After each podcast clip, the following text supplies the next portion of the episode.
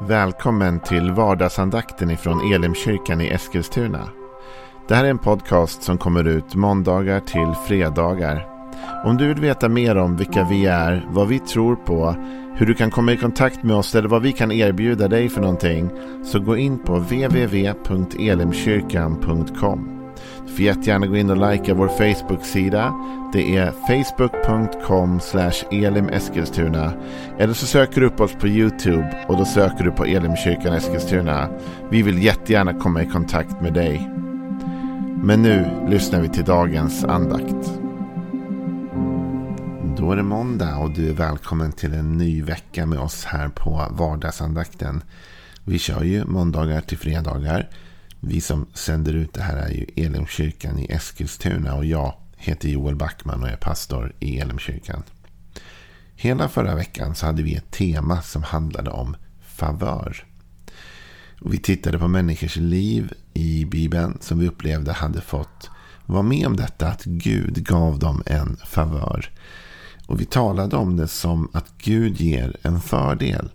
Ja, vi tog ett haltande exempel och sa att det är som att Gud låter oss gå före i kön. Ja, det är en som sagt haltande bild, men den ändå ger en indikation om vad det är när man får uppleva favör. Och vi såg att det var framförallt två saker som lyste igenom. Det ena var att våga be om favör. Att vi såg att det var många människor i Bibeln som bad att Gud skulle vara med dem och hjälpa dem. Och det andra var att människor blev välvilligt inställda och hjälpte. Att Guds, Guds favör var att han också rörde vid människors hjärtan så att de gav en fördel till de som behövde det. Den här veckan ska jag väl blanda lite men jag vill få börja med detta med favör. Och fortsätta lite med det men jag vill inte titta på en specifik person idag. Utan jag vill titta på vad vi kan nästan kalla för ett fenomen i Bibeln. Eh, någonting som kan påverka dig och mig. Hur Gud ibland verkar med sin favör över vårt liv. I Uppenbarelseboken, Bibelns sista bok, så finns det flera brev, sju brev till sju församlingar. Eh, och de här breven har lite olika karaktär och innehåll beroende på vem de är skrivna till såklart. Men i ett av de breven så står det en ganska spännande sak. Det står så här i eh, Uppenbarelseboken alltså 3 och vers 7. Och skriv till ängeln för församlingen i Filadelfia. Så säger den helige, den sannfärdige, han som har Davids nyckel, han som öppnar så att ingen kan stänga och stänger så att ingen kan öppna. Jag känner dina gärningar. Se, jag har ställt en dörr öppen för dig som ingen kan stänga. Din kraft är ringa, men du har bevarat mitt ord och inte förnekat mitt namn. Gud talar både om sig själv här och om församlingen i Philadelphia. Först så talar Gud om vem han är och vad han har för förmåga och, och möjlighet. Han säger jag är den som har Davids nyckel och som kan öppna så att ingen kan stänga. Och stänga så att ingen kan öppna. Och sen i meningen efter så säger han då till församlingen. Men jag har ställt en dörr öppen för dig som ingen kan stänga. Favör det är ibland när Gud öppnar en dörr. Jag vet inte om du har varit i den situationen någon gång att man känner sig helt eh, låst. Man ser inga vägar framåt. Man ser inga alternativ. Man känner bara att jag måste hitta en väg på något sätt. va. Jag behöver att det öppnas en dörr. Jag behöver att det öppnas en möjlighet.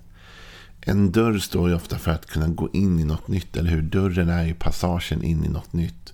Så när vi talar om att öppna en dörr, då talar vi om att gå ut ur det man är i, in i någonting nytt, eller hur? Lämna ett rum, gå in i ett annat. Och Gud, med sin favör över vårt liv, öppnar dörrar. Och han öppnar dem på ett sådant sätt så ingen kan stänga dem. Det är det som är del av Guds favör. Det är när Gud faktiskt öppnar en dörr för dig. Och trots att människor kan vara emot dig, trots att du kan ha motståndare eller Folk som inte tycker som du eller vill att du ska göra någonting. Men om Gud har öppnat den dörren, då kan ingen stänga den, säger Gud. Där i vilar en Guds fördel, en Guds favör. Att vi kan få öppna dörrar som ingen ens kan stänga igen. På samma sätt kan det ibland vara så att Guds favör och Guds fördel också vilar i det faktum att Gud kan stänga dörrar. Så Gud kan hindra oss och andra från att gå in i vissa områden eller saker där vi inte hör hemma. Va? Och ibland så är det också en fördel, en favör, att Gud stängde en dörr. Han hindrade någonting. Ibland känner vi att oj, någon behöver sätta stopp för det här ungefär. Och då är Gud den som både kan öppna dörrar och Gud kan också stänga dörrar. Men när Gud gör det är det utanför mänsklig påverkan som Gud sa. Jag är den som öppnar så att ingen kan stänga och stänger så att ingen kan öppna. Och när vi lever i den typen av Guds favör så kommer vi ständigt märka att det öppnas dörrar och det stängs dörrar. Och allting sker för att ge oss bästa möjliga utgångsläge. Gud vill ge oss sin favör, sin fördel. Och då kanske någon säger, men hur kom du in i det där rummet? Eller hur kunde du röra dig från den ena platsen till den andra? Och då måste du och jag vara ärliga ibland och säga, nej, jag tror att Gud öppnade en dörr. Jag tror att det här var en del av Guds favör. Gud gav mig en fördel. Och det där kan ju vara enormt uppretande för en del människor. Och vi får ju vara försiktiga och ödmjuka i hur vi talar om de här sakerna. Eh, därför att det kan vara stötande för en del. Varför skulle Gud ge dig en fördel? Och inte mig en fördel? Och ibland är svaret det enkla svaret. Därför att du bad inte om en fördel. Men jag bad om det. Alltså bön ger resultat. Och hela tiden förra veckan när vi läste om de här människorna som verkligen levde med en Guds favör över sitt liv. Så såg vi också gång på gång hur de faktiskt involverade Gud genom att be. Gud hjälp mig nu. Som Nehemja ber när han står inför ståthålla, eller när han står inför eh, kungen och han säger Gud ge mig framgång och välvilja hos denna man. Eller som Ester ber till Gud när hon ska gå till kungen och hon vet att hon får egentligen inte gå dit så ber hon ändå att Gud ska vara med henne och ge henne någon typ av fördel, favör. Här talas det om att öppna en dörr. Det här är faktiskt ett återkommande tema i Paulus liv. Paulus som gjorde så oerhört mycket för Guds rike och nådde ut till platser som ingen annan nådde ut till. Kan man ju tänka så här, ja, men Paulus, att han lyckades så väl med att evangelisera och att han lyckades så väl att plantera församlingar och föra Guds rike fram. Det måste inneburit att Paulus var en alldeles särskilt speciell, fantastisk man. Och det är jag i och för sig övertygad om att Paulus var en fantastisk och underbar människa. Det är utan tvekan så. Men det är också så att Paulus själv hänför en hel del av sin framgång till Gud och Guds förmåga att öppna dörrar. Så vi kan läsa några tillfällen då Paulus själv talar om det här. Till exempel så skriver han i första Korinthierbrevet 16 och vers 9 så här. Här står dörren på vid gavel för mig. Det är gott om uppgifter och motståndarna är många. Här står dörren på vid gavel för mig. Så Paulus upplever att han är i en, en sits, en, en position där dörren har öppnats för honom. Han har gått in i någonting som Gud har öppnat. Han har klivit in i en fördel som Gud har givit honom. Och därför finns det gott om uppgifter, därför Gud har öppnat den här vägen. Det finns också gott om motståndare. De här sakerna tycks ibland gå hand i hand. Och att leva i favör är ju inte att leva utan problem. Är ju inte att leva utan lidande.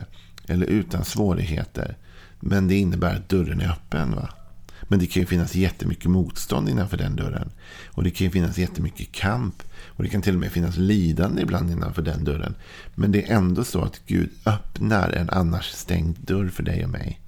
Och det är det som är favören som du och jag ibland får åtnjuta. Men det här är inte enda gången. Utan faktum är att redan i, redan i sitt nästa brev till församlingen i Korint. I andra Korintierbrevet så säger Paulus så här i vers, eh, kapitel 2, vers 12. När jag kom till troas med evangeliet om Kristus stod dörren öppen för mitt arbete i Herren. Så här talar Paulus inte om att han kommer dit och öppnar dörren. Han säger inte när jag kom till troas då öppnade jag dörren för Kristus och, och evangeliet. Nej, han säger när jag kom till troas med evangeliet om Kristus då stod dörren redan öppen.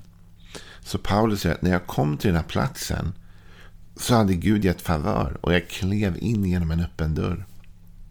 Att leva i Guds favör är att leva i ett liv där dörrar öppnas och stängs enligt Guds vilja och till vår fördel. Jag upplever ibland att det är det här jag skulle önska att jag fick idag plantera in i ditt hjärta. Att du kunde gå den här veckan med en förväntan om öppna dörrar. Att du kunde tänka så här, den här veckan tror jag att Gud kommer öppna dörrar för mig. Jag tror att han kommer ge mig en fördel. Jag tror att han kommer ge mig en favör. Vi åkte, eh, jag och min fru i helgen, till ett stort eh, eh, köpcentrumområde här i Eskilstuna. Och det var, alltså när man kom i närheten så såg man hur otroligt fullsmockat det var med bilar överallt. Över, överallt. De cirkulerade runt. Och min fru sa, ja, nu får vi, nu får vi väl eh, lita på favör eller vad hon sa. Just för, och skämtsamt om det här med parkeringsplats. Och vi fick tag i en parkeringsplats också. Eh, ganska direkt faktiskt. Skämt, det är lite skämtsamt och det är lite allvar. Att leva med en förväntan om att Gud ska ge oss en fördel. Jag tror att det är viktigt. För det kommer påverka hur, vad vi förväntar oss av Gud. Och vad vi förväntar oss av Gud har ju att göra med vår tro. Och vad vi, vad vi tror har att göra med vad vi hoppas. Så vi måste hela tiden våga hoppas och tro och leva i förväntan på vad? På öppna dörrar. Men också förväntan på stängda dörrar. Och säga till Gud att Gud, jag tror att den här veckan kommer du öppna dörrar som kommer gynna mig och bli till min fördel. Och jag tror du kommer stänga dörrar som är till min fördel, att jag inte går in igenom. Jag ber att du ska hjälpa mig. Och, och kanske du säger så här, men Joel, får man verkligen och kan man verkligen be sådana böner. Vet du att Paulus gör just precis det. Han som vi nu har läst har talat gång på gång om att Gud hade öppnat dörrar. Och när han kom till platser så var det redan öppet. Det var redan vidöppet när han kom dit. Paulus han eh, skriver också så här i Kolosserbrevet. En uppmaning till den församlingen. I Kolosserbrevet 4, vers 3 så säger Paulus. Be då också för oss att Gud öppnar en dörr för ordet så att jag kan predika hemligheten med Kristus. Det är för den jag är fängslad. Be då också för oss, säger Paulus. Vad är det de ska be? Jo, att Gud öppnar en dörr för ordet. Så att Paulus kan predika. Så Paulus säger, jag vet att Gud, om jag ska kunna predika nu, om jag ska kunna få ut evangeliet, så behöver jag din fördel Gud. Jag behöver öppna dörrar. Jag behöver en möjlighet. Och han till och med uppmanar en församling. Be om en öppen dörr för mig.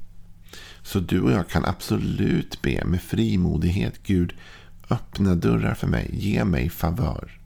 Ge mig din välvilja Gud. Öppna de dörrar som kommer bli till mitt bästa. Och framförallt till evangeliets bästa. Så att jag kan förkunna ordet. Men också stäng de dörrar, Gud, som inte är lyckosamma, inte är gynnsamma för mig att kliva igenom. Så den här veckan vill jag börja med den uppmaningen till dig. Våga be Gud om öppna dörrar. Våga be Gud om fördelar. Gud är den som kan öppna en dörr för dig som ingen annan kan stänga hur mycket de än kämpar och vill. Och Gud är den som kan stänga dörrar som ingen kan öppna hur mycket de än vill öppna de dörrarna. Har Gud stängt dem så är de stängda. Så be Gud den här veckan om fördel. Be Gud om öppna dörrar och nya möjligheter. Och låt Gud överraska dig den här veckan med alla de öppna dörrar som han kan plantera i ditt liv och för dig till ditt bästa. Ha en riktigt välsignad måndag.